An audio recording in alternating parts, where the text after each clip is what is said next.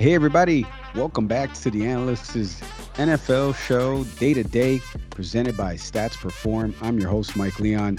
If you're new here, we break down all of the upcoming action this weekend in the National Football League with stats and insights, courtesy of Stats Perform's new tool called Pressbox Live.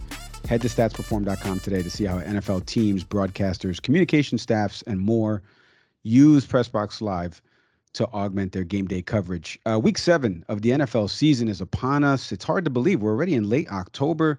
Baseball playoffs are in full swing. That's how I know it's late October as a Yankee fan. Uh, but for the NFL purposes, I'm joined as always by NFL writer over at The Analyst. Check out all his work at theanalyst.com, Nicholas McGee. Nicholas, welcome. A two man booth today. Yeah, nice and uh, nice and slimline, but still should be able to provide plenty of uh, excitement for the weekend. Yeah, for sure. Um, our our friend KCR could not be with us today, but he will be joining us in the next installment. Uh, but no worries because we pick up the slack here in terms of picks, predictions, stats, and insights. Um, Nicholas, a lot to get to. Week six just ended as of this recording. We're recording right now, and the week six just ended uh, yesterday with the with the Broncos Chargers game. Uh, what are some of your surprises from Week Six so far? If you had to name one, two, uh, surprise any of the games that happened on Sunday.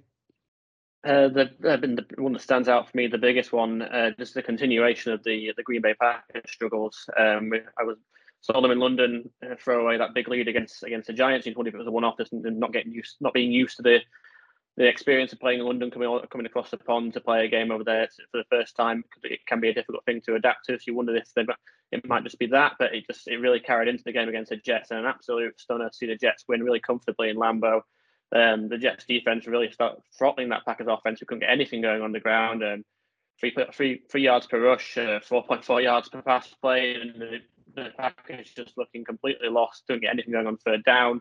No, no deep shots downfield. None of this uh, huge kind of illustration of how much they missed Davante Adams, how much that offense is completely misfiring without him, and they look broken to be honest. The, the Green Bay at the minute with Rodgers starts saying he needs to, they need to simplify the offense LaFleur kind of going against that. So there seems to come kind of like discord there, and it's really just shocking to see a, a team that nobody really had winning that many games as they have at the minute. The Jets just walking into Lambeau and walking out their W quite comfortably in the end.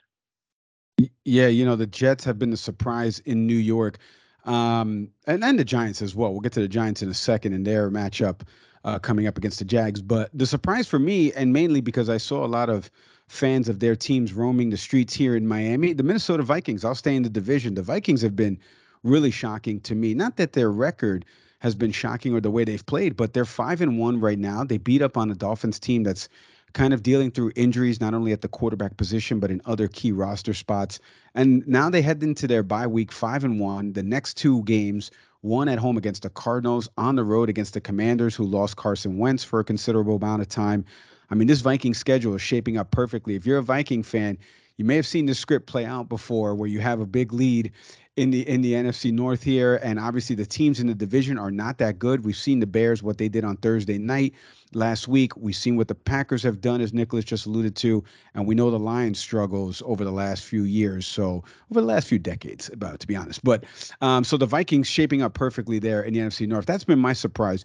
Um, speaking of surprises, uh, maybe some of these picks will be surprises, maybe they won't. Who's your first half uh, MVP so far of, of the NFL season?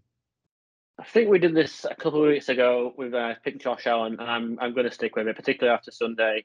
Um, you can't say that that was that performance to say he's, leapfrogged Mahomes or anything like that, but it was another kind of MVP moment and an outstanding, another outstanding season for Josh Allen, particularly the go-ahead drive, the big the big completions to Diggs, um, getting that, and then that stupendous hurdle of the defender on the uh, 15 yard rush to get themselves deep in, in the red zone and then a pinpoint throw to, Dawson Knox to put them ahead before Taron Johnson's interception capped it off. So it's just, again, just illustrating how you can get it done now. The kind of the plethora of ways in which you can hurt hurt teams and in the, the biggest of situations and he continues to come through. And for me, he's, he's definitely my MVP through six weeks. You know, I think when we did this last, I had, you know, Patrick Mahomes and how well he has been playing.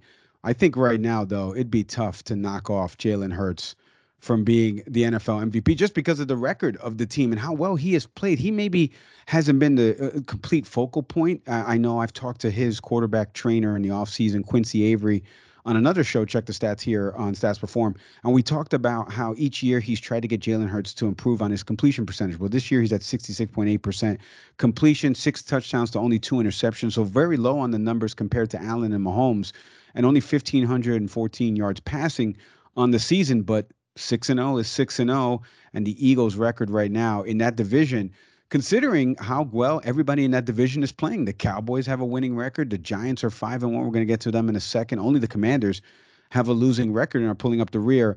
Uh, um, I know KCR, uh, our colleague, was on the Eagles all year in terms of their their he's that was their team to watch for for his pick.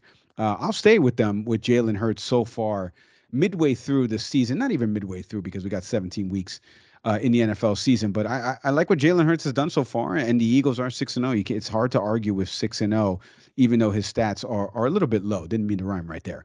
Um, Nicholas, let's get into some some of the games. Um, that are happening this Sunday. It's a weird week in the NFL this Sunday. There's a lot of matchups that are uh, some of them are intriguing. Some of them are just uh, very terrible to watch. Uh, sorry to say that out loud, but as somebody who covers the NFL, I know you are agreeing with me. Um, we're not going to pick the Thursday night game, uh, but let's get into the first game of the day. Probably the one o'clock start here. A lot of one o'clock starts, but probably the game that a lot of people in the one o'clock window will be focused on. Lamar Jackson and the Ravens. They come home. This is a three and two team that easily should be five and zero. Oh another game uh, up up in East Rutherford, New Jersey, that they probably could have won. Blew a, a, small lead late. We know their struggles with holding on to three touchdown or more leads this season, as they've blown a couple to the Dolphins and the Bengals. Um, so this team is probably you know kicking themselves as some of the opportunities lost, and now they take on the Cleveland Browns, who come in. Uh, who are kind of uh, struggling themselves as well. What are you looking forward to in this matchup as the AFC North race is starting to shape up a little bit? Yeah, I think the Browns could be just a tonic here for the Ravens. Um, if they don't win this, they definitely will be some questions asked in Baltimore, predominantly because the Browns just cannot stop anybody on the ground. And obviously, the Ravens with Lamar Jackson, J.K. Dobbins, they have that really diverse rushing game. The Browns lying, allowing nearly five yards of rush, 11 touchdowns on the ground, which is the most in the NFL. So that, that's a matchup the Ravens should really be able to exploit, but they've just got to get a handle on this this volatility they've been experiencing for the first kind of six weeks. They've you talked about the double digit lead. They've held a double digit lead in each of their six games. Uh, that's a, they're the 39th team to do such a thing, but they're the only one to not have a winning record at this point. So they've got to find some consistency over the volatility, volatility they've experienced over the first six weeks. But I think this Browns defense, which is really struggling on the on the ground, is exactly the right opponent to help them find that.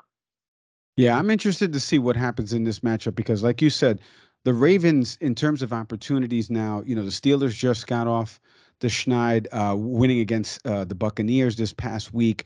Uh, the division is just sitting there for the taking. Uh, no team has really kind of stepped up and, and and taken charge in that division. So the Ravens are one of the, I think, the only team uh, so far over 500 in this division.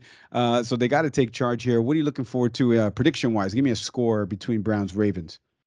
Yeah, I think the I think the Brown sorry the Ravens did it quite handily. I don't trust the Browns stopping the ground, and the Jacoby Brissett as well as well as he has played, he tends to have a few turnovers in, particularly in the end. So I think the Ravens end, end up pulling away towards the end. Give me thirty to seventeen in, in favor of the Ravens.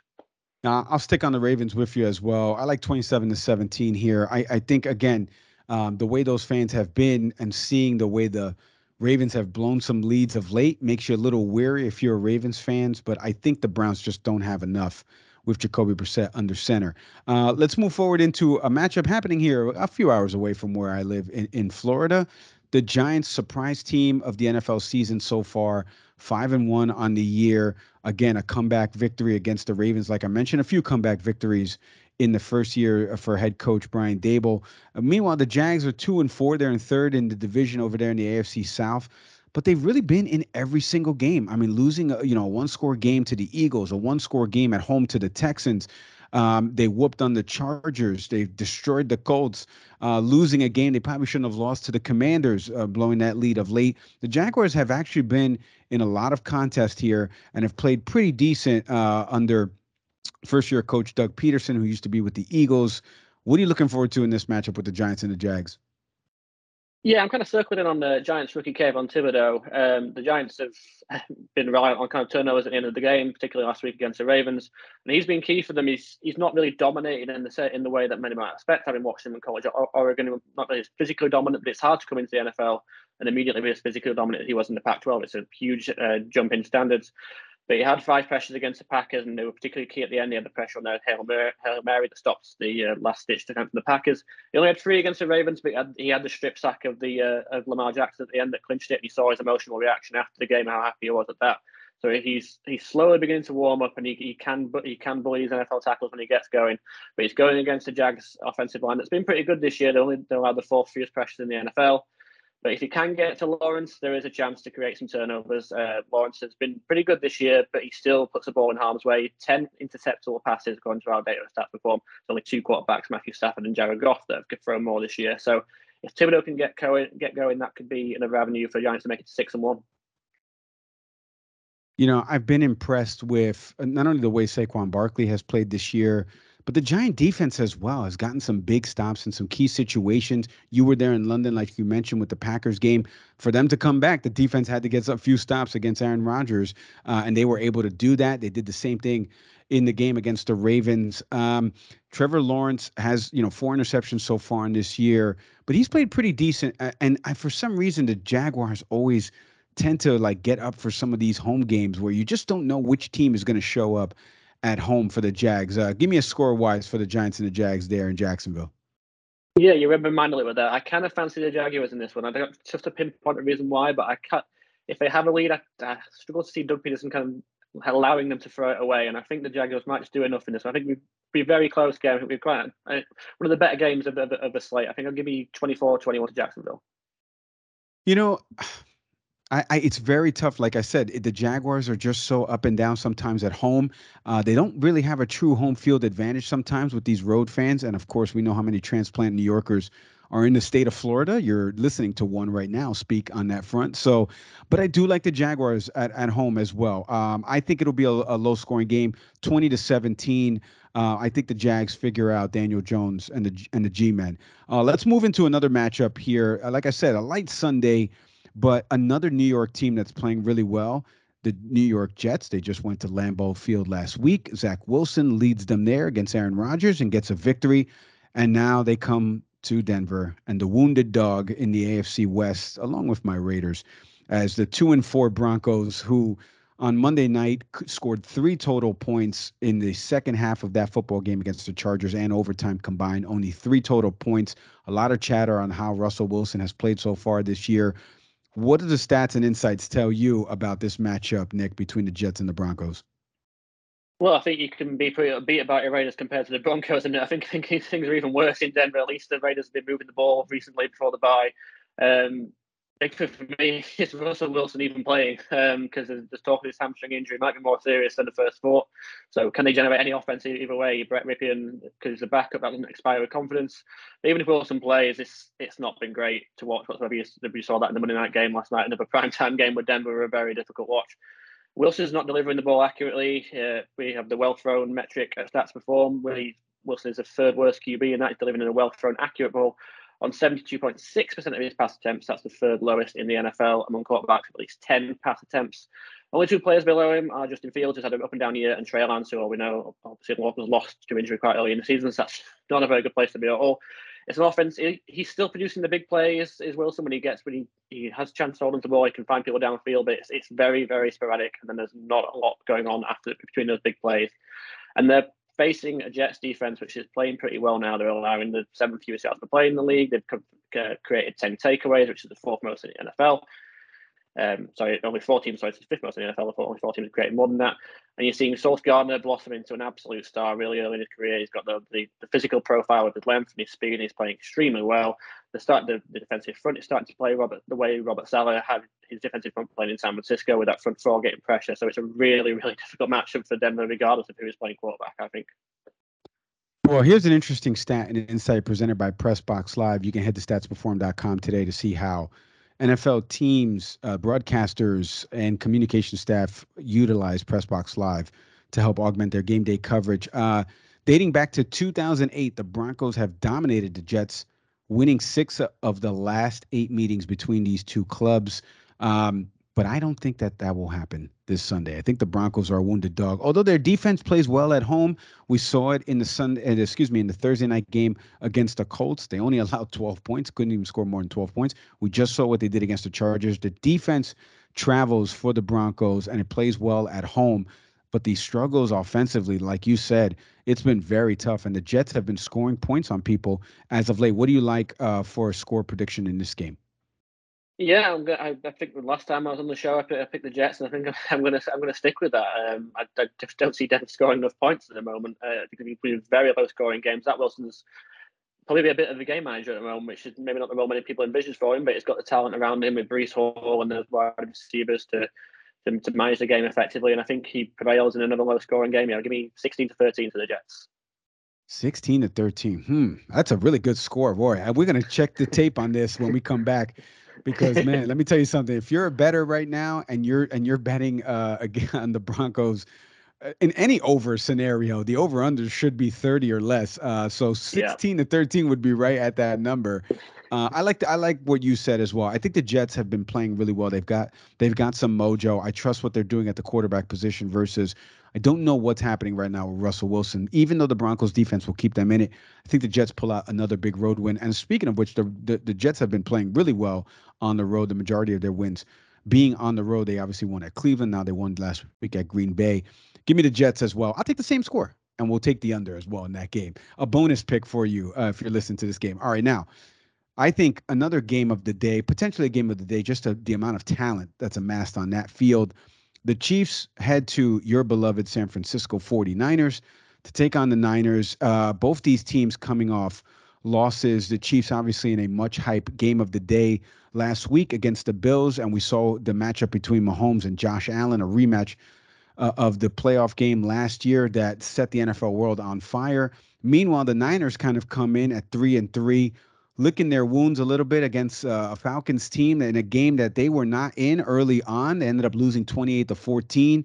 I know you wrote, if you follow Nicholas on Twitter, wrote a lot about that game uh, with some angry tweets across the pond there. Uh, give me some, uh, give me some insights into what you're looking forward to in this matchup between the Chiefs and the Niners. Yeah, this is the uh, the rematch of the game that ripped my heart out the Super Bowl a couple of years ago, with uh, the Niners having seven minutes left to hang on to the lead and unable to do it. Um, hopefully, we can get some revenge here if if they can. I think it's about finding some consistency on offense. They've only scored 43 points in the second half, which is the bottom half of the league. Um, but it's more a matter of I don't think the offense was that bad on, on Sunday, even though they were held out in the second half. It's more a matter of execution. I think Jimmy Garoppolo is playing pretty well. He's been pretty poised. He's been getting decent pass protection from his interior, but his tackles have been not playing well because there's been second string tackles. Mike McGlinchey was was hurt on Sunday. Trent Williams has been out for a while and then he had some drops from his receivers. So the bit of execution at the two tackle spots and from the receivers who had some very catchable balls that could have been touchdowns, putting them on the turf. But on Sunday, they could get Trent Williams back finally from the ankle sprain he suffered a few weeks ago. Um, best all-round tackle in the NFL for my money. Only allowed 3.9% pressure rate last year. Um, and kind of upgrade in pass protection and can what you can do in the run game, um, improve a run game that's only 13 yards per play in 4, 4, with 4.43, which is pretty low for the Niners. They'd like it to be higher than that. Um, and in terms of stopping the Chiefs, which I think the, the Chiefs offense is going to do what it's going to do most of the time, but the Niners do have somebody in Nick Bosa who was out last week with a groin injury. That defense is very banged up. It had probably been the best in the league up until last week, uh, but they might get him back as well. And he gets to face a Chiefs offensive line that does give up pressures. 100 pressures given up this morning. This uh, sorry, this morning, this season. Um, that's the eighth most in the league. And Bosa has favourable matchups if they like to move him around um, and get him, to play against both tackles. And Orlando Brown and Andrew Wylie are both players that you can exploit. So I think this is more on the Niners offense, but if Bosa can get the, the, Chiefs playing behind the sticks and kind of contain them a little bit, there could be an ingredient for an upset here, but it's uh, it's always going to be tricky against Mahomes and company.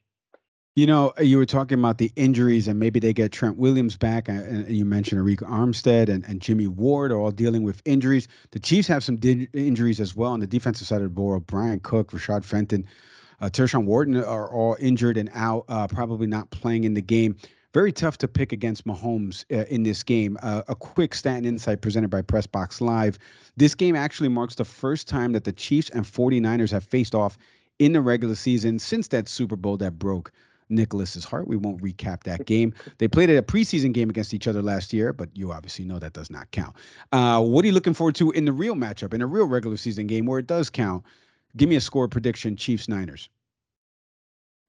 The head would uh, definitely say the Chiefs, but I, I, can't resist the urge to be a homie. I think the Niners come back with a bit of uh, a better effort than they displayed against the Falcons. A more a more consistent effort, definitely. Um, I, I, like a bit of an upset here. Uh, very close game. I think the Niners they get they get Bosa back. They get they get football players back on defense. If Trent Williams is playing, that offense should be better. Um, give me a uh, reasonably high scoring game. Maybe 27-24 San Francisco in an upset. Well, I mean, for a Raider fan speaking here, if somebody who's never liked the 49ers or the Chiefs, uh, I'd like to remain net neutral in this game. But uh, like you said, head heart. Um, head tells me Patrick Mahomes uh, and the offense to not count against them. Uh, and like I said, the defensive uh, issues for the Niners in terms of the injuries is something that Mahomes and the team could potentially exploit. I like the Chiefs in the opposite score of that. 27 to 24. I do think the Niners will keep it close, uh, but I think the Chiefs are hungry for a victory. They need a win here uh, to stay pace ahead of the Chargers, who just won this past Monday night. Uh, before we sign off here, Nicholas, a a a, toss, a um, excuse me, a not scheduled uh, topic here, but give me a game that potentially you're watching or something that you're watching for in the league here in Week Seven that maybe Ooh. people should pay attention to on Sunday. Uh, a wild card. I threw it to you just to think of something What's something that you're watching for in week seven? Yeah, put you on the spot there. He, he quickly draws up the schedule. um, yeah, I think looking at the uh, the late window that uh, that Chargers Seahawks game again, the uh, the uh, renaissance of uh, uh, Geno Smith. Um, that Seahawks defense kept the kept the Cardinals in in check last week. I don't think it's very hard to keep the uh, the Cardinals in, in check at the moment, but holding them to nine points when most teams had scored quite freely on the Seahawks. So is that is that a sign of a, a defensive upturn in Seattle? They've got the young cornerback uh, Tariq Woolen who can't stop making interceptions. I think he's got four on the season right now, and the, for as much as the Broncos struggled on offense on Monday night, the Chargers didn't look that much better anyway. You saw at the end of the game. Uh, Justin Herbert barely celebrated the game winning field goal. Um, he didn't look very happy. I think he knows that his offense is still not performing at the uh, level he would like. And Geno Smith, when he gets going, is one of the hottest quarterbacks in football at the minute. So there's enough more upset potential. I'm not sure who's favored in that game, but that's certainly one to watch. I think that's going to be a very intriguing matchup as to whether the Seahawks, if they start, if they can knock off the Chargers, then people might taking might start taking Geno a little bit more seriously.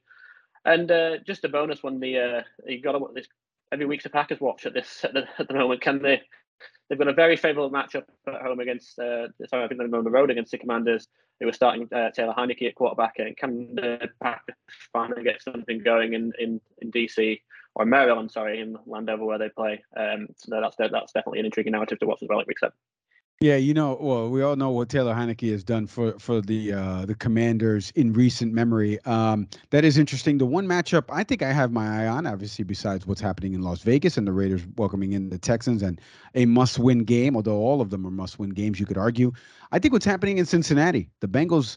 Uh, you know, are welcoming the Falcons, the team you just saw. Both teams are three and three. No one knows what the Falcons are really, and people are expecting the Bengals to return to form like they did when they represented the AFC last year in the Super Bowl. I'm intrigued in that matchup to see what happens with with the Bengals if they can get above 500 in this matchup and then kind of what they do the rest of the season on. So that's something I'll be watching for in Cincinnati uh, on Sunday. We bid everyone adieu here. Hope you enjoy all of the games on Thursday and Sunday in week 7 in the National Football League.